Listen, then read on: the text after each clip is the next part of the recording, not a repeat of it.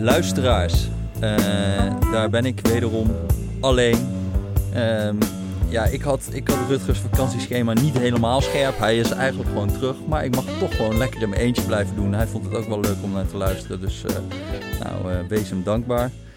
Ehm, en ik zit hier met iemand die in de vorige podcast ook al is genoemd. Toen werd hij de scherpste denktank-directeur van Nederland genoemd. Misschien ook wel de enige denktank-directeur Ja, van Nederland. Maar ik zit hier met eh, Vincent Ziesemer eh, van het Instituut voor Publieke Economie. Eh, dat is al een hele nieuwe denktank op, ja, op economisch gebied dus.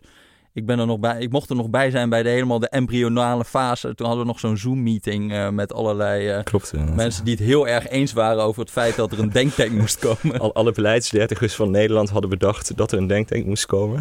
Ja, maar ik moet eerlijk zeggen, bij dat soort meetings denk ik altijd van, dan heb je dat dan gehad. En dan was iedereen het zeg maar heel erg eens over dat dat moest gebeuren. Maar dan ga, ik had niet verwacht dat iemand het dan ook nog ging doen. Ja. Maar ja, Wel gebeurd. het is, het is wel gebeurd, ja, ja, ja. Maar eh, waarom? Waarom, eh, waarom vond jij eigenlijk dat er een denktank moest eh, komen? Het is eigenlijk Ehm. helemaal niet een Nederlands ding, hè? Dus in Amerika en zo heb je heel veel van die beleidsdenktanks. Heb je dat wat meer inderdaad, ja, klopt. Het hangt een beetje van het land af hoe dat precies wordt georganiseerd. Ja, dus ehm, ik ga een lange aanloop nemen, mag dat? Ja, ja, ja, tuurlijk. Kijk, mijn achtergrond is, was echt in de academische wereld. Dus ik deed onderzoek naar beleid, belastingbeleid, dat soort dingen. En ik was heel nieuwsgierig naar hoe je dat nou in het echt eh, deed. Dus toen ben ik op een gegeven moment bij het ministerie van Financiën beland. Mhm. Daar heb ik vier jaar gewerkt. En ik heb echt een geweldige tijd gehad. Ik vond dat zo mooi dat eh, zeg maar, die uitdaging die je hebt als je probeert goed beleid te maken. Mhm. Want je hebt daar natuurlijk nou ja, abstracte wetenschappelijke ideeën over hoe dat moet. Ehm, maar dan moet je het ook nog uit kunnen voeren. Het moet juridisch kloppen. Je moet nadenken over politieke haalbaarheid. Dan moet je het allemaal opschrijven op een manier dat mensen het snappen. Ehm, ja, dat vond ik gewoon fantastisch om te doen. Mhm. Uh, en wat ik alleen wat ik gaandeweg merkte, is dat het heel moeilijk is om in die Haagse omgeving. Ja, je kent het natuurlijk zelf. Je hebt, hè, dus je hebt de ministeries die, die maken beleid voor een minister. Uh, je hebt de Tweede Kamer die daar een mening over heeft. Je hebt heel veel druk van media. Het moet vaak enorm snel. Weet je, ren je van de ene crisis naar de andere. En op dit moment hebben we er geloof ik uh, negen of zo, Ja, hoorde ja. ik laatst. Ook wel een beetje crisisinflatie, maar... Een beetje crisisinflatie inderdaad, maar goed. En een inflatiecrisis. Maar zeg maar, dat houdt die ambtenaren wel bezig. Uh, dus het levert gewoon heel veel werk op en heel veel werkdruk en heel veel hectiek. Uh, en dat zorgt er ook voor dat je mee in een omgeving terechtkomt die heel erg ingesteld is uh, op de problemen van vandaag oplossen. Maar heel weinig ruimte overhoudt.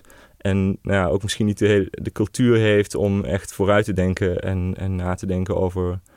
Uh, ja, I know, hoe moet ons beleid over vier jaar of, of tien jaar uh, uitzien? Ja. Uh, en dat zie je best bij best wel wat onderwerpen. Dus nou, bijvoorbeeld, ik heb me, nou, we houden ons veel bezig met begrotingsbeleid. Mm -hmm. Dat is typisch zo'n onderwerp waar je dan ziet van... goh, we hebben ooit in een crisis heel hard lopen bezuinigen. Mm -hmm. Nu draaien we het helemaal om. Dan gaan we het helemaal anders doen. En dan gaan we heel veel geld uitgeven. Dat kan je op zich best verdedigen. Uh, maar het is niet echt onderbouwd of zo. Dus je kan ervan uitgaan dat we in de volgende crisis weer keihard rechtsomkeerd maken. En dat we dan weer heel pro-cyclisch beleid gaan voeren, zeg maar. En daar zijn we het dan allemaal over eens dat dat heel slecht is. Maar toch is de uitkomst dat het gebeurt. Uh, en, en voor mijn gevoel komt dat omdat er eigenlijk te weinig ruimte is uh, om dat probleem gewoon aan te pakken en daarover na te denken hoe je dat anders zou kunnen doen. Wat je dan moet veranderen in je institutionele vormgeving, welke indicatoren je dan moet hebben. Um, dus nou, dat is meteen een heel concreet uh, voorbeeld. En ja, dat was, dat was één, één ding waar ik een beetje tegenaan liep met de tijd. En het andere was dat soms had je wel een hele goede analyse. Maar dan was het best wel moeilijk in die omgeving om ervoor te zorgen dat het ook op de goede plek belandde. Mm -hmm. Want ja, beleid wordt dus heel veel mensen gemaakt uiteindelijk. Hè. Je hebt al die, al die ambtenaren, uh, politici, uh, ja, kiezers gelukkig hè, en, en media die die kiezers informeren. En dan tegelijkertijd heb je in Den Haag best wel een verkokende cultuur. Want ja, de ambtenaren adviseren de minister. Mm -hmm. Die mogen geen contact hebben met de Kamerleden. De Kamerleden die hebben heel weinig ondersteuning. Dat is echt, uh, ja, best wel knap wat ze nog voor elkaar krijgen, Mhm. mm -hmm. zeg maar. Um, maar ja, en er is eigenlijk zijn weinig partijen die daar over die grenzen heen mogen werken. En gewoon iets inhoudelijks mogen uitwerken en daar iets over mogen vertellen. Zonder dat dat meteen met iedereen afgestemd hoeft te zijn. En dat heel Den Haag en heel Nederland het daarover eens is, zeg maar. Mm -hmm. uh, en ja, hoe kan je die twee problemen oplossen? Ja, in andere landen bestond het model denktank, zeg maar. Hè? Dus ja, je gaat gewoon dit soort toegepast onderzoek, een beetje tussen het beleid en het academische in, ga je gewoon doen. Je gaat dingen uitwerken, je gaat uitzoeken hoe ja, je nou tot praktische verbeteringen zou kunnen komen op allerlei beleidsterreinen. En dan ga je die oplossingen uitdragen en gewoon op de plek brengen waar ze, waar ze horen. Mm ja, en dat proberen we nu eigenlijk te doen. ja, ja, ja. ja. Wat, waar, waarvan denk je nou dat als mensen van buiten, wat ze echt niet begrijpen aan hoe, de, hoe zo'n ambtenarij werkt? Wat, wat je van buiten niet ziet, is hoe moeilijk dit allemaal is. Dus stel, je moet iets doen waar een uitvoeringscomponent aan zit. Ja, dan, hangt, dat, zeg maar, dan kom je bij, bij financiën dan vaak bij de Belastingdienst. Mm ja, dat is een organisatie, daar werken 10.000 mensen. Mm uh, voor jij in die boom zeg maar, op het goede punt bent aangekomen. Weet je wel, dan zit jij bij de economenclub. Maar er is ook een club die schrijft de fiscale wetgeving. Dat zijn allemaal juristen, die praten weer een andere taal. Ja, die moeten dan weer naar die uitvoering toe. Die uitvoering die bestaat ook weer uit tien uh, hiërarchische lagen. En mhm. voor je dan, dus, het is gewoon heel moeilijk communiceren binnen zo'n groot apparaat. Maar ja, het hoort er gewoon bij, want je moet heel veel dingen tegen elkaar afwegen. Hele complexe problemen oplossen. Dus alleen ja, van buiten realiseer je dat niet. Dus wat je nu wel mee ziet ontstaan is zo'n cultuur van hey, er gebeurt iets geks qua beleid. Of dit is vaak dan een enorm compromis. Ook politiek. En dan is het gewoon voor iedereen moeilijk uit te leggen waarom we nu gaan doen wat we gaan doen. Want niemand is het er helemaal mee eens, zeg maar. Het is niemand zijn voorstel. Het is een soort mix van, ja, know, duizend ambtenaren en vier partijen. En wat het mediabeeld was. En misschien nog de sociale partner, zeg maar. En, ja. en dan, dan is het, komt daar beleid uit. Ja, dan ga je dat wel proberen uit te leggen. Maar ja, mensen worden vaak heel wantrouwend. Die denken dat er dan, ja, niet alles is een samenzweringstheorie, maar ze hebben vaak het beeld dat de overheid een soort van een heel concreet plan heeft en dat allemaal heel goed heeft uitgedacht. Terwijl het vaak in de praktijk gewoon ingewikkeld was, chaotisch, snel. Rotzooi onder deadline. Toen probeerde de grootste crap eruit te halen en toen hadden we wat, zeg maar, hadden we weer een pakket. Uh, ja. Ja, ja, ja, ja. En, dat is het dan. Maar dat, ja, mensen geloven dat niet en gaan er dan ja, dat, dat botst best wel met het beeld dat mensen hebben van een overheid die heel erg in control is en het allemaal uh, perfect ja. geworden heeft. En dat geldt dus ook heel erg voor dat, kan je nou ook vooruitdenken en, en wat meer de lange termijn onderwerpen oppakken of iets echt inhoudelijk goed uitdiepen. Ja, lukt dus gewoon vaak niet. Nee. Kijk, wij hebben nu zo'n denktank gestart. Dat is best wel lastig, want dat betekent, ja, per definitie zeg je eigenlijk, ja, dit moet je buiten de overheid proberen te doen, sommige van deze inhoudelijke dingen. Want dat is goed voor het debat, dan bereik je iedereen, dan heb je wat meer ruimte om na te denken. Je kan natuurlijk nog steeds contact hebben met al die... Ja, je kan door die kokers heen. Je kan nog steeds met al die mensen praten, zeg maar. Um, dus dat proberen we dan nu te doen. Maar dat betekent wel... Ja, het is lastig, want je moet dan... Nou ja, als je het buiten de overheid wil doen, betekent dat privaat initiatief. Dan heb je private steun nodig. Dus dat is uh, een uitdaging, zeg maar. Mm -hmm. Maar liefst zou je hebben dat er nog tien van die denktanks zijn. Want dan krijg je een inhoudelijker debat. Weet je wel? Dan kan ja, misschien ja, iets minder rellen. En, en dan krijgen we iets vaker een inhoudelijk gesprek over hoe, uh, hoe beleid eruit zou moeten zien. En het is uiteindelijk ook gewoon voor die ambtenarij heel goed, want dan ja, krijg je gewoon meer input, meer inhoudelijke... Ja. De kloof ook... Je hebt natuurlijk wel beleidsmakers in Nederland, bijvoorbeeld economieprofessoren die over heel veel onderwerpen waar wij ook aan werken een mening hebben. En dat, dat voegt vaak al heel veel toe. Maar die kloof is nog best wel groot naar hoe dat dan in de praktijk er allemaal uit gaat zien. Uh, en ja, ja. dat gat kunnen wij een beetje proberen te dichten. Dus dat je ja, weet je, tussen die hoge over academische ideeën en de nitty-gritty van uh, ja, de Belastingdienst moet het dan kunnen uitvoeren en uh, het moet dan een beetje politiek haalbaar zijn. Ja, daar zit een heel gat en, en ik denk dat we gewoon moeten proberen om dat op te vullen. Ja, en dus ook niet de hele tijd eigenlijk, uh, nou ja, heel erg zoals de correspondent, niet voor, uh, echt voorbij de waan van de dag. Niet de hele tijd alleen maar onderwerpen oppikken. Nu wordt het een, uh, ik ja, probeer een reclame, reclamepraatje voor mezelf van te maken. Maar je kaart slash wordt lid. nee, maar, um, maar want dat is natuurlijk ook een beetje nu, dat je zei al van we hebben nou negen crisis. Als je dat allemaal gaat afpellen van waar dat dan eigenlijk begint. Ik bedoel, zo'n stikstofcrisis, dat zijn allemaal beslissingen van twintig jaar geleden ja, over wat een natuurgebied is. En, en, en dat, dat is niet van de ene op de andere dag, maar dat is in de tijd is daar helemaal niet zo bij stilstaan. Waren waarschijnlijk ook allemaal andere dingen die we nu al lang zijn vergeten, heel erg belangrijk. Uh, weet ik veel, Ayaan Hirsi Ali die uh, geen paspoort of die, uh, die niet hier bleek. nou, ik weet niet eens meer wat dat, hoe dat ook weer zat. Maar ik bedoel, daar toen waren er ook allemaal rellen. Maar dan is het wel goed als er iemand probeert in de tijd al te signaleren dat het, dat het dit wel eens helemaal mis kan lopen. Nu, nu één voorbeeld, maar dat kan natuurlijk ook met een heleboel onderwerpen zo zijn. Ja, ik denk het wel. Ja. En, ehm, maar eh, jullie hebben dus eh, een paar speerpunten eigenlijk met dat eh, Instituut voor Publieke Economie. En één daarvan is dan nu het Europese begrotingsbeleid. Nu ben ik eigenlijk zo, zo erg in de waan van de dag geweest dat ik dat al totaal ben vergeten. Want ik zat er wel lekker in een jaar of vijf, zes geleden toen het helemaal misging. Want bij de laatste financiële crisis bleken we gewoon eigenlijk heel erg pro-cyclisch, gingen we allemaal bezuinigen. Maar en nu lijkt het erop dat alles een beetje mag of zo. Of we zijn een beetje aan het wapperen of niet. Ja, als je hebt in Nederlands, ja. Dus we houden ons inderdaad eigenlijk vooral bezig met begrotingsbeleid en ook met belastingbeleid. En dat begrotingsbeleid zit, ja, in Nederland is dat een hele discussie natuurlijk. Ehm, en, en er is ook een Europese discussie gaande over hoe die Europese begrotingsregels er in de toekomst uit moeten gaan zien. Mhm. Het is een soort eh, hervormingsproces gaande, al komt het nog niet echt eh, op tempo. Maar ja, wat je in Nederland ziet, kijk, er is een hele discussie over hoe hoog de staatsschuld mag zijn en wat lage rentes betekenen. En dat is typisch zo'n discussie waarvan je, ja, je zag dat aankomen, hè, dus dat speelde heel lang. Er was heel veel kritiek op eh, de soort van de indicatoren, modellen die we daarvoor gebruiken om, om daar iets over te zeggen. Ehm, maar werd maar niet echt opgepakt. En ja, wat je dan ziet is dat de politiek zich toch ergens aan vast moet houden.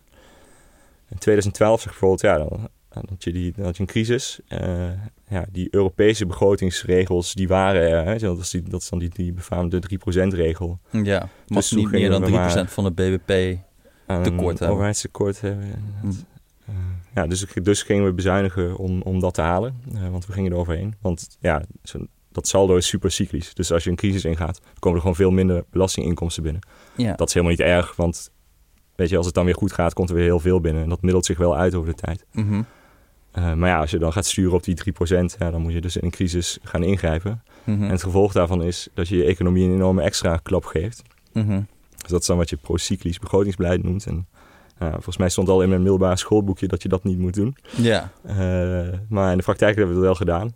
En dat heeft best wel reële consequenties gewoon. Omdat je, ja, weet je, dat, dat kost je... Er zijn wel berekeningen over gemaakt. Dat zijn natuurlijk allemaal grove inschattingen. Maar dat gaat wel over 100.000 werklozen en meer, zeg maar. Waar je het dan eh, Ja. over hebt. Die onnodig... Hè, dus echt onnodige werkloosheid. Die dan, En blijvende schade, toch ook wel van. Je ziet dat dan nu met in de bouw bijvoorbeeld. Dat er toen heel veel mensen uit de bouw Ja. zijn weggegaan.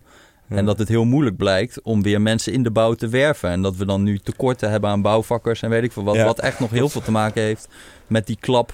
Eh, en dat we toen gewoon, eh, ja, toen de economie helemaal is Ja, ingerold. en die, en die begroting is ook, die biedt het, zeg maar, het begrotingsbeleid is super abstract, weet je wel. Je hebt niet echt belangengroepen die zich daarmee bezighouden. Dus het krijgt wat dat betreft ook weinig aandacht. Maar Mhm. het is natuurlijk wel, het schept de kaders voor alle andere beleid. Het is een soort van oerfout die je kan ja, maken. dus je kan, dan- nou ja, ja. Je, wat je dus kijkt is, volgens mij hebben we in eh, dus buitenlandse zaken, die, als die dan moeten bezuinigen, gaan ze altijd snijden in het ambassadenetwerk. En volgens mij hebben ze dan, ergens in West-Afrika is een ambassade vier keer gesloten en weer heropend. Omdat iedere keer die begroting zo op en neer eh, stuitert, zeg maar. Ja, En dat heeft natuurlijk ook reële gevolgen. Ja, ik bedoel, het is ten eerste heel zonde eh, van het geld waarschijnlijk dat je daar iedere keer aan kwijt bent. Mhm. Ehm, maar dat zie ik overal, zeg maar. Dat dat, ja, dat helpt niet. Ehm, en de vraag is dan, kunnen we dit beter doen? En wat ik wel een beetje aan zie komen, is dat we dan straks, als het dan, hè, dan gaat het weer, nou ja, nu eigenlijk al, nu gaat het al minder. En je hoort alweer de stemmen opkomen van, ja, misschien is het dan nu toch te veel. Moeten we dan nu niet toch weer terugdraaien en wat minder Mhm. doen? En dat neemt dan zo'n cyclus aan, die precies verkeerd is. Namelijk dat je iedere keer als het goed gaat, ga je geld uitgeven. Als het slecht gaat, eh, ga, je, eh, ga je bezuinigen. ja, ja, ja. En je zou een enorm, ja, het zou gewoon voor het welzijn in Nederland, zeg maar, zou je een enorme slag kunnen maken als je dat vermijdt. Want ja, het scheelt je heel veel werkloosheid. Eh, je houdt je begroting constanter. Je, het is beter voor je arbeidsmarkt, weet je wel. Dus je, ja, Het is gewoon echt precies omgedraaid van hoe het moet zijn bijna. Ja. Want mensen zijn gewoon niet fundamenteel Keynesiaans genoeg of zo. Van als het gewoon, als het gewoon heel slecht gaat. Toen hadden we in 2012 hadden we veel meer moeten uitgeven. Nu denkt iedereen dat we echt dat, eh, dat, we- dat we eindeloos veel kunnen uitgeven. Maar je ziet nu al dat, die, dat er te weinig personeel is voor alles. Eh, dat eigenlijk de economie wat dat betreft gewoon best wel overhit aan het raken is. Nou is dat volgens mij ook wel gezond, een beetje overhitting. Maar ik bedoel, niet alles kan nu. We gaan niet eens, ik weet niet eens hoe je aan de mensen gaat komen om voor defensie alles te doen. En straks de kinderopvang nog gratis. Daar zijn nu al wachtrijen. We willen het onderwijs ook nog veel groter. Dat gaat Dat, ik bedoel, nu is het moment om echt keuzes te gaan maken, juist. Terwijl iedereen het idee heeft dat het nu gewoon alles kan. Hm. Of, of Ja, zie ik dat? Nee, dat ben ik het wel mee eens. Ja, het is, ja... Zeg maar, eh, al- als je van een soort van... Je, ik denk dat er best wel een, eh, een betoog te houden is dat we zijn heel lang heel zuinig geweest. Hè? Dus je, je had dan, eh, wordt het een beetje technisch, maar eh, ja, je moet dan berekenen. Kijk, je, je hebt uitgaven en daar moeten inkomsten tegenover staan. Maar hoeveel inkomsten dat zijn is best wel moeilijk. Want ja, je economie groeit ook, waardoor je staatsschuld relatief steeds meer gaan meevallen. In ieder geval je bestaande, zeg maar. Mhm. Die inkomsten zijn super volatiel, dus het is gewoon best wel een technische vraag van ja, hoeveel inkomsten moeten er nou tegenover die uitgaven staan Mhm. in een gegeven jaar. Dus dat is moeilijk. Maar ja, je had dan wat modelletjes. Bijvoorbeeld het CPW had een projectie waarin eh, voor de formatie, waarin de staatsschuld tot 2060 zou teruglopen tot, volgens mij was het 27% of zo. Mhm. Dus dan eh, ja, halveer je bijna je staatsschuld zonder dat daar verder beleid onder zit of zo. Eh. En eh, je hebt natuurlijk wel een beetje discussies in Europa van nou, wat crisis gehad. En iedere keer zitten Nederland en Duitsland staan op de rem. En dan, nou, dan zeggen andere landen, wij hebben hier last van, ga eens wat meer geld uitgeven. Het is eh, nog een keer best wel een lastige discussie. Maar ik denk dat er wel wat te zeggen viel voor meer uitgeven. Mhm. Alleen het lastige is de timing. Ja. En, en de snelheid waarmee je dat dan nu gaat doen. Hè, het zou dus bijvoorbeeld best wel logisch zijn als je zegt, ja, we gaan, nou, we willen het begrotingsbeleid fundamenteel ruimer gaan opzetten. Prima, maar dan is dat misschien wel een project voor tien jaar en niet, zeg maar, nou, volgend jaar rammen, ja, ja, ja. weet je wel. Ja. Eh, en dan hebben we eens een enorme hoeveelheid personeel nodig. Dat is ook gewoon lastig. Dus je moet dat, het is een, we beslissen dit één keer in de vier jaar. Maar wat, wat dat is te snel, zeg maar. Ja, je moet het, dat herkalibreren onderweg, maar je moet eigenlijk gewoon een beleid hebben. Zeg maar. Je moet niet één keer in de vier jaar gaan zitten en gewoon zeggen van... nou, laten we eens kijken hoe het weer erbij eh, hangt. En Ja, precies. kiezen hoeveel we gaan uitgeven. Je moet een soort idee hebben over waar je eigenlijk op stuurt, zeg maar. Is dat Anders krijg je staatsschuld van een bepaald niveau? Of is dat... Ja, je- ja, het is gewoon een beleidsterrein en dan moet je een beleid nodig. En dat hebben we nu eigenlijk gewoon niet. Ja, ja, ja. En wat als nou, want ik, ik ben dus gewoon echt ha- hard Keynesiaans, zeg maar. Ik zeg, maak het hele begrotingsbeleid moet gewoon gericht zijn op werkloosheid en inflatie. Ik vind die hele staatsschuld irrelevant. Ik vind eigenlijk de, de, het omvang van het tekort Hm. ook irrelevant. Eh moeten gewoon, moeten gewoon sturen op een zo laag mogelijke werkloosheid. En als je ziet dat de economie oververhit, zoals we dat nu zien, dan is het het moment om de rem in te trappen misschien. Maar ik, ik zou niet sturen op 27% of 90 of 150. Nee, dat ik- maakt ik- allemaal niet uit. Kijk, wat je volgens mij moet doen is zoveel mogelijk economische klappen gewoon proberen op te vangen met die staatsschuld. En niet met je reële, hè, zeg maar, Ja. met je, met je uitgaven. Mhm. Ik, ik, vind beetje, ik ben een beetje huiverig. Kijk, wat het probleem met het woord Keynesiaans is... dat bij heel veel mensen is een beetje die, die economische stammenstrijd... uit de jaren 50 eh, blijven hangen. Of de jaren 70 of 80 misschien ook nog wel. Mhm. Toen want Chicago Boys had, die betoogden dat dit allemaal niet to-date. En dan eh, de, de oude boeken van Keynes, die, die zeiden dat het wel heel belangrijk was. En het wekt een beetje de suggestie dat het heel politiek is of zo. Ja, ja, maar ja. eigenlijk is gewoon inmiddels iedere econoom het er wel over eens... dat dit gewoon relevant is. En er is er natuurlijk altijd wetenschappelijke discussie over... hoe groot die effecten dan, eh, dan zijn.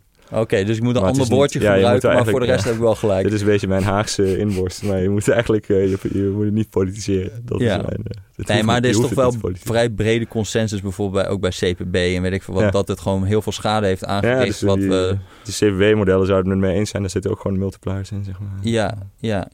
En, en, en op Europees niveau, als je dan naar het begrotingsbeleid kijkt, want daar zijn, daar zijn ze nu toch eh, eh, aan het kijken naar van, eh, ja, gaan we dat stabiliteits- en groeipak, daar komt al die, die, die 3% tekort komt daar vandaan en 60% staatsschuld. Dat willen ze allemaal gaan hervormen, toch? Ja. Of- Ja, nou is in de tussentijd luistert al niemand meer naar die, naar die Europese begrotingsregels. Nederland ook niet meer echt. Want zeg maar, de plannen die in het regeerakkoord staan, die voldoen niet meer aan de zogenaamde preventieve arm. Dus dat is wel een van de, de wat minder bekende onderdelen van het heel uitgebreide Europese eh, regelwerk. Maar wacht even, dat is toch eigenlijk al fascinerend dat we gewoon zes jaar geleden of tien jaar geleden Ja, allemaal van, nou, dat is totaal heilig. Nee, dat kan echt niet, bla bla. Nee, je moet er daar echt aan houden en anders gaan we, worden we doodgemaakt door Brussel. En nu is, nu is dat gewoon stilletjes. Niemand heeft het er meer over en we Ja. houden ons er niet meer aan. Wij, wij niet en anderen ook niet. Ja, min of meer en terecht trouwens. Want kijk, ja, die 3 en die 60 die slaan ook, weet je, inhoudelijk slaat het nergens op. Maar er is wel een casus te maken voor wat je regels nodig hebt. Of in ieder geval principes en een soort handhaving daarvan. En wat het probleem met die Europese begrotingsregels is, is dat ze, ja, ze zijn lekker concreet, weet je wel, die 3 en die 60 procent. Maar daardoor missen ze substantie. Mhm. Eh, en uiteindelijk gaat het om het ingrijpen in uh, een soeverein land, weet je wel. Dus uh, ja, niemand wil dat Brussel jou vertelt wat je moet doen. Mhm. Zijn we in Nederland zijn we daar ook altijd, worden we ook al een beetje pissig van. Zie je stikstofdiscussies en Mhm. honderd andere onderwerpen. Maar het geldt voor die proteinregels natuurlijk ook. Het gaat er uiteindelijk om dat ze een, een land eh, met een, weet je, gewoon een democratie eh, vertellen van ja, jullie democratisch gekozen Kamer of eh, minister of zo, die wil dit wel, maar jammer. Mhm. Het mag niet van Europa. En dat zorgt ook voor een hele hoge lat om die dingen te gaan handhaven. Mhm. Eh, en in de praktijk ja, hebben we dus een set regels die niemand bereid is hand te haven. Zeg maar. Dus hebben we die 3 en die 60. Maar ja, vanuit Europa is er eigenlijk cel, ja, er zijn in ieder geval nooit sancties eh, geweest als een land zich er niet eh, aan hield. Dus eigenlijk dan komt, komt, komt de handhaving komt een beetje aan Sancties als in boetes trouwens, niet... eh. Ja, niet dus echt wel, een... om- geen handelsding of zo. Maar, Maar, dus de handhaving komt eigenlijk een beetje neer op de markt. Die eigenlijk nu gaat zeggen: ja, wij willen nog wel een Italië lenen tegen deze rente. Of, Ja. dus, dus, dus bijvoorbeeld, we weten in die eurocrisis, toen zag je in één keer dat Griekse staatsobligaties, die gingen naar, moest je 15% rente moesten zij gaan betalen als ze nog iets wilden lenen. Nou, dan Ja. ben je eigenlijk praktisch uitgesloten van dat je nog door kan gaan met tekorten draaien, want je kan gewoon niet meer lenen. Maar dat is niet Europa die dat doet zozeer, als wel dat de markt dan afdwingt ja, dat, dat landen zich eh, een beetje eh, gaan ged- ge- gedragen. klopt. Maar is dat een goed handhavingsmechanisme Nou, of is dat e- heel Eigenlijk moet je nog een, eh, een stapje de geschiedenis in om dit echt eh, lekker ingewikkeld te maken. Want toen deze regels werden bedacht, ging het helemaal niet zozeer om het, eh, zeg maar, faillissementen en landen die echt eh, geen toegang tot de kapitaalmarkten meer hebben. Mhm. Eh, maar als je die oude stukken erbij pakt, de, de Lore Committee en zo was dat, die waren eigenlijk op zoek naar de oplossing voor een heel ander probleem. Namelijk, ja, we gaan dan één monetaire unie in. Hè? Nou, dat, Mhm. daar zitten we dan nu in met één centrale bank. En die centrale bank die kan dan dus nog maar één monetair beleid voeren voor al die landen tegelijk. Mhm. Eh, maar ja, als dan één land straks 10% inflatie heeft en een ander land, I don't know, 1% inflatie, dan ja, heeft die centrale bank wel een probleem. Want wat ga je dan, eh, wie ga je dan helpen, zeg maar? Ga je dan ruim beleid voeren voor het land met het 1% inflatie of Ja. ga je heel strak Moet je dan de rente verhogen om, om, om, zeg maar de ja. inflatie omlaag te halen of moet je hem verlagen om... Ja. Precies, en dat, dat willen ze oplossen door te zorgen dat er een soort coördinatie in dat begrotingsbeleid kwam. Want dat is wat we net, waar we het net over hadden. Want als een land heel veel geld uit gaat geven, ja, dan draagt dat risico met zich mee dat je dan inflatie eh, Ja, krijgt. Of als een land heel weinig uitgeeft, dan remt dat de inflatie af. Hè. Dus dat was een beetje de kritiek van de ECB aan Nederland en Duitsland. Van ja jongens, eh, die inflatie, eh, het is een tijdje geleden alweer, maar Ja. die was de hele tijd te laag. Eh, en ze, weet je, ze, moesten, ze deden de gekste dingen en, en toch bleef die inflatie heel laag. Ja. En was hun, dan was hun opmerking, ja, wij kunnen ook niet alles doen. Als landen zo zuinig zijn dat die economie maar wordt afgeremd, eh, dan, dan halen wij onze 2% eh niet, zeg maar. Ja.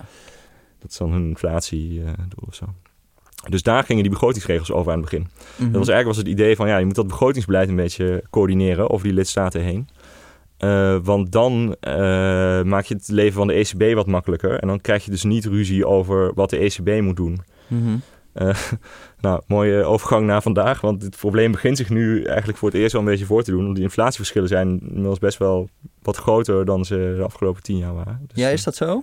In Nederland hebben we wel een stuk hogere inflatie dan in Frankrijk, zeg maar. Dat gaat wel echt om procenten. Oké. Dus dat, is- dat is een beetje... Dus het is ook voor die afweging die de ECB maakt. Ja, we kijken... het- Nou ja, oké, dat is weer een hele andere discussie, maar... Dat is wel relevant voor hun ook. Ze, Ja. een soort van, ze maken dat beleid niet alleen voor Nederland. Dus nou, dat, dat, dat, dat, dat maakt het lastig. Ehm, en in de tussentijd is iets anders gebeurd.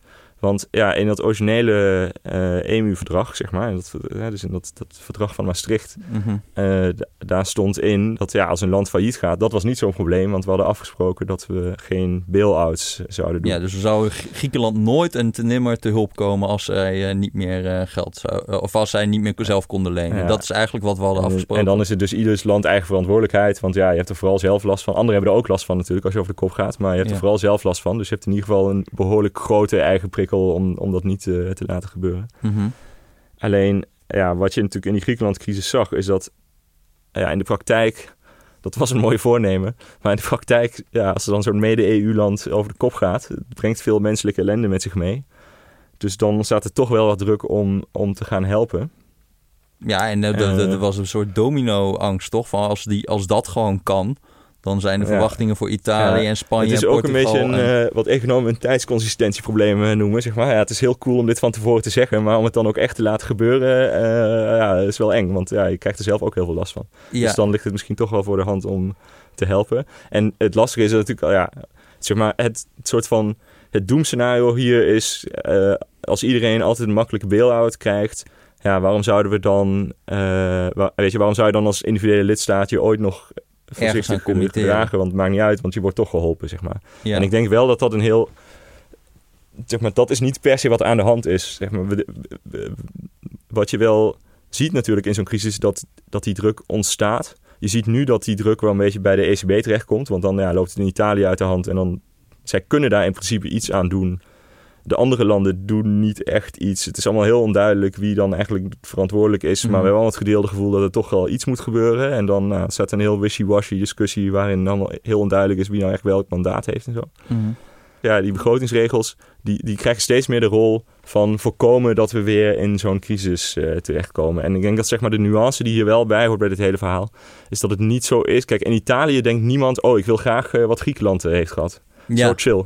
nee, Ja. helemaal niet. Dus zoals juist een, een redelijk, zeg maar, oké, Griekenland is technisch volgens mij net niet failliet gegaan, maar het was wel een vrij zure oplossing voor ze die er Zij uiteindelijk zijn is. gewoon 20% gekozen. gekrompen qua BBP. Dus ja, niet dus echt ze een zijn nog voorbeeld steeds niet terug te... op het niveau van 2008, geloof ik. Eh, en eh, ja, dus, eh, dus het is niet zo dat alle landen in Zuid-Europa staan te azen op eh, steun en maar zoveel mogelijk uitgeven. En sterker nog, als je kijkt naar eh, de primaire overschotten, dus zeg maar de- alles behalve de rentebetalingen, doen ze er nog best goed hun best om eh, ervoor te zorgen dat ze die begroting op orde hebben. Mhm. Alleen die economieën groeien niet. En Mhm. eh, ja, dat betekent, hè, kijk, als jouw staatsschuld, als je, als je economie verdubbelt, dan is je staatsschuld relatief nog maar half zo groot. Weet je, Ja. en, dat, en ook Nederland rekent op dat effect. Want ook wij betalen geen schuld af, maar laten die schuld gewoon oplopen. Maar ja, zolang die groei maar net zo snel gaat, is dat allemaal prima. Ja, Ehm, en dat gebeurt in Italië nu dus niet. nee, die En- hebben al toch sinds de ne- jaren 90 hetzelfde BBP per capita bijna of zo. Bijna ja, geen het is in ieder geval eh, heel anders Ja. dan hier. En, dat, en dus, dus wat wel misgaat in de discussie is dat het heel erg zo'n boeman verhaal wordt van nou, Italië doet het allemaal verkeerd en zo. Maar het is ook niet altijd even makkelijk eh situatie waar, eh, waar de gemiddelde politicus zich daar bevindt. Ja, Dit is ook wel wat aan de hand. Dus je hebt een soort voortdurende zoektocht naar goh, zeg maar, wat kunnen we doen om te vermijden dat er ooit die druk ontstaat om zo, weer zo'n bail-out te doen. Mhm. En als we hem dan moeten doen, ja, hoe, weet je, aan de ene kant wil je helpen en aan de andere kant wil je niet Maar- een systeem waarin eh, alle remmen losgaan. En dat, ja, dat is gewoon een hele moeilijke zoektocht in Europa. ja, Onderdeel daarvan zijn die begrotingsregels. Want als je goede begrotingsregels hebt die het gewoon doen, dan kom je niet in deze problemen.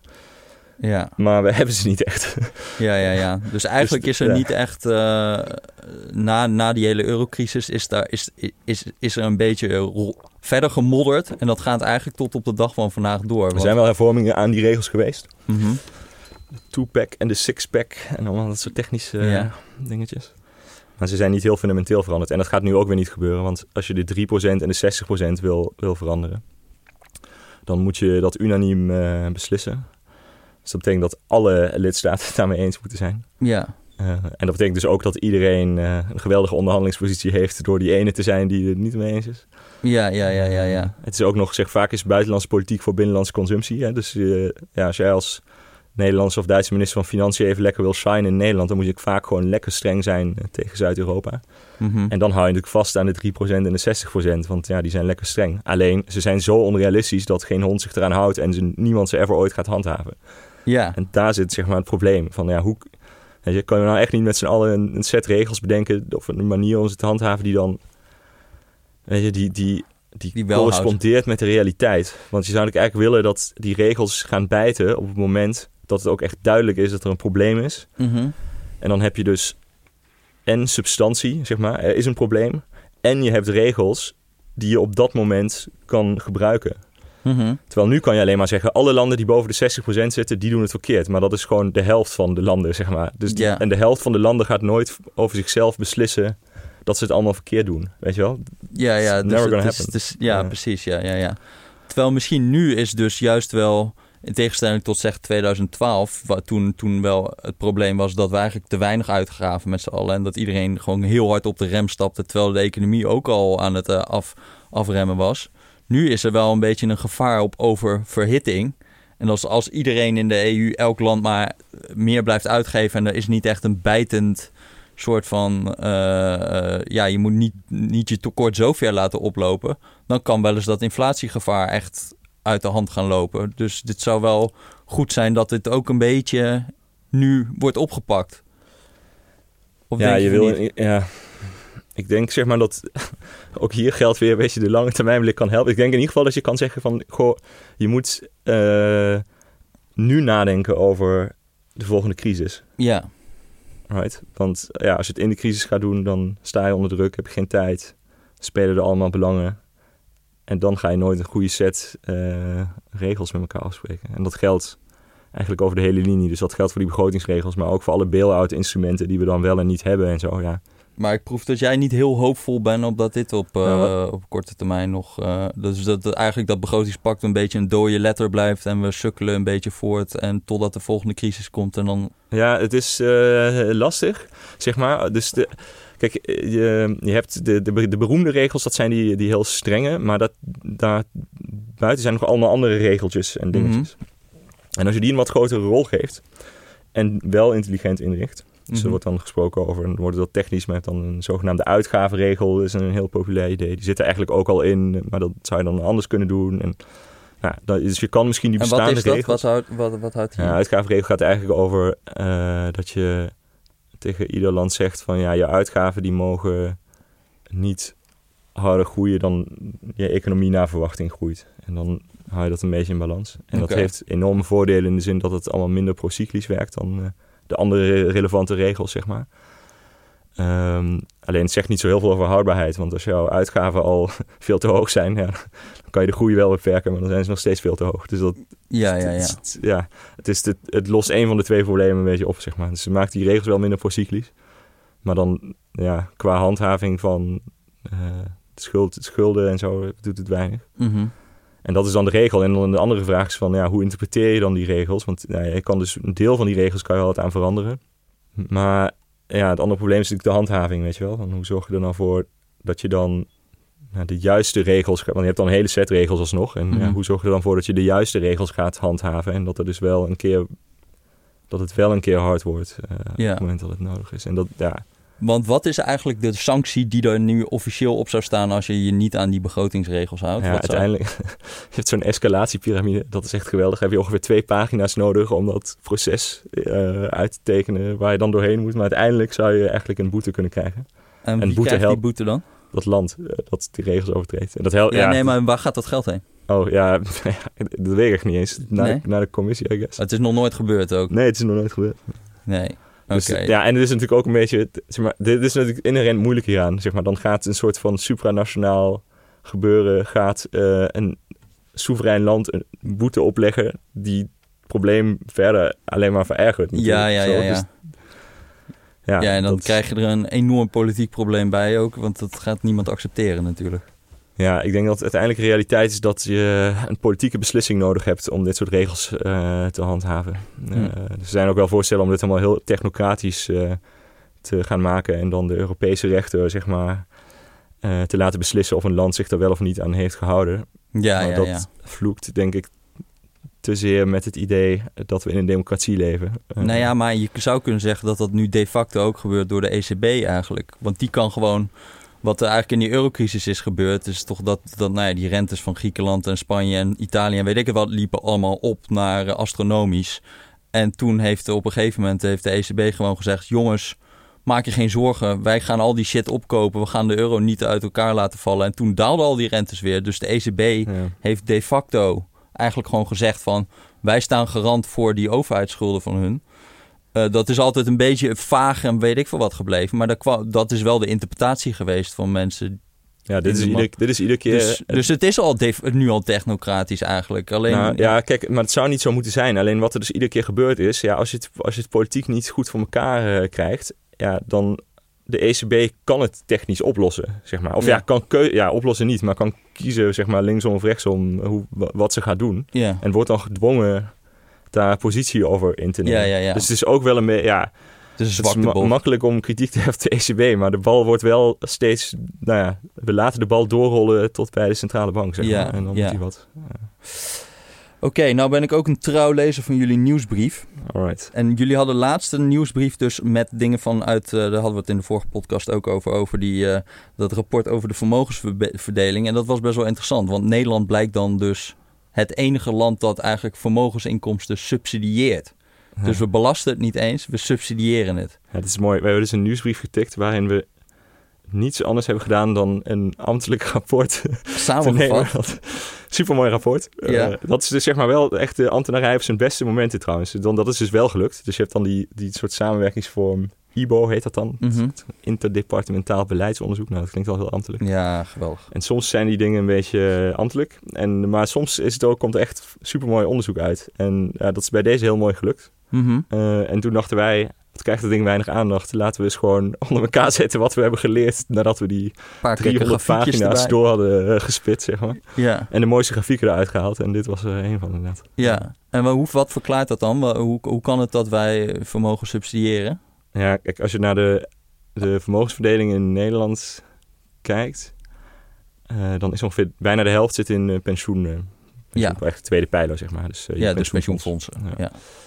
En dan zit er nog een hele, heleboel in, de, in je eigen huis. En dat is dus niet per se zeg maar gewoon de, de waarde van je eigen huis, maar gewoon ook de overwaarde is, is al categorie nummer twee. Eh, dus als je de hypotheekschulden ervan aftrekt, zeg maar. En pas dan kom je bij wat er in box 2 en box 3 zit. En Dus nog wat ondernemingsvermogen, mensen met een eigen bedrijf, Ja. mensen die aandelen in Shell en hebben, dat soort shit. Cash en zo, Ja. precies. Ja. Het vermogen zit gewoon heel, voor een heel groot deel in, in pensioenen en ehm, Woningen. En woningen. En nou ja, dat verhaal van die woning is heel bekend. Hè? Je hebt die hypotheekrenteaftrek. Dus dat is een subsidie op vermogen en een forse ook. Ja, precies, dat is een hele forse. En eh, bij pensioenen speelt dit ook. Eh, want bij pensioenen heb je de omkeerregeling. Dus bij pensioenen is het zo dat je eh, op het moment dat je je inkomen verdient, en dan, dan leg je in in je pensioenpot. Mhm.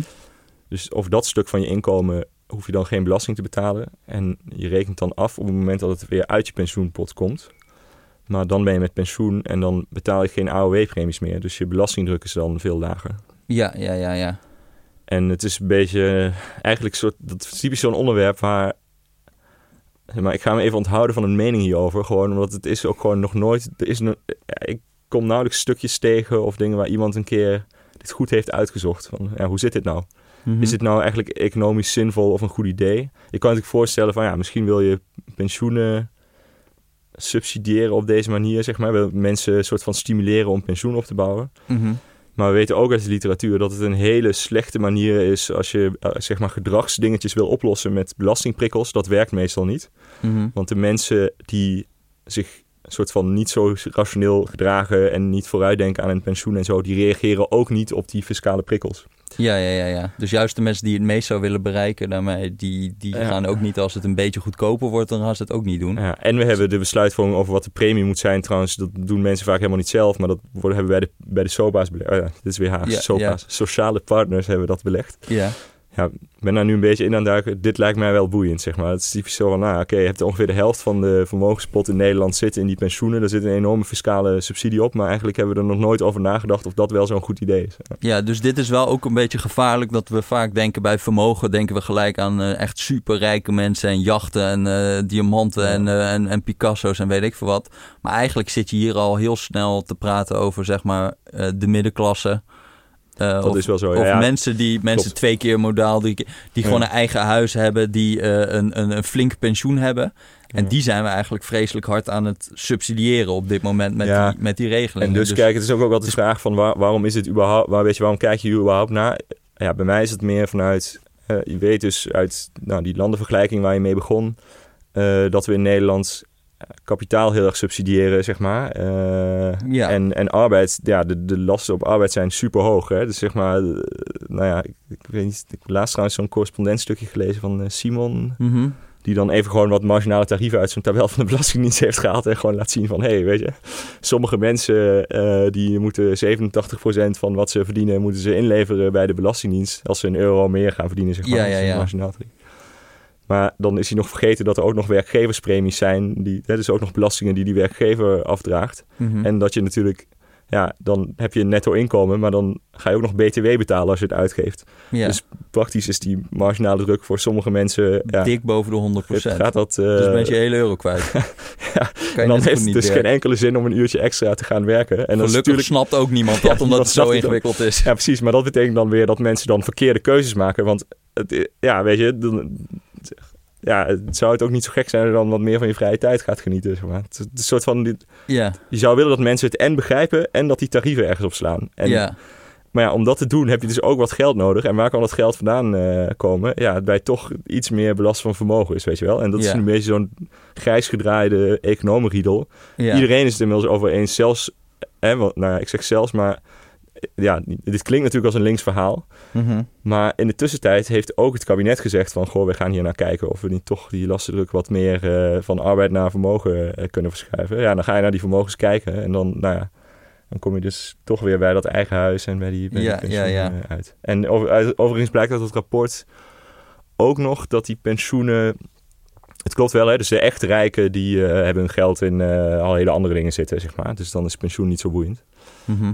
Ehm, maar als je naar de rest van de verdeling kijkt, is pensioenen niet. Het is niet zeg maar dat pensioenen de grote gelijkmaker zijn, weet je wel. En die bedoelt dan pensioenfondsen, niet de AOW, maar gewoon Ja, pensioenfondsen. zeg maar. Die Ja, zijn- precies. Die Daar zit dan, Ja, dat is ook vrij ongelijk veel. Want ja, als jij veel verdient, ja, dan, dan bouw je ook veel pensioen op. ja. Tot een zekere hoogte. Want dan. Je ziet dus dan in die, te- in, in die grafiek van, eh, van jullie dat eigenlijk, zeg maar, als je, als je, die, als je het helemaal gaat ontleden in, eh, in al die categorieën, dat dan de eigen woning, er wordt met 7,1 miljard euro gesubsidieerd.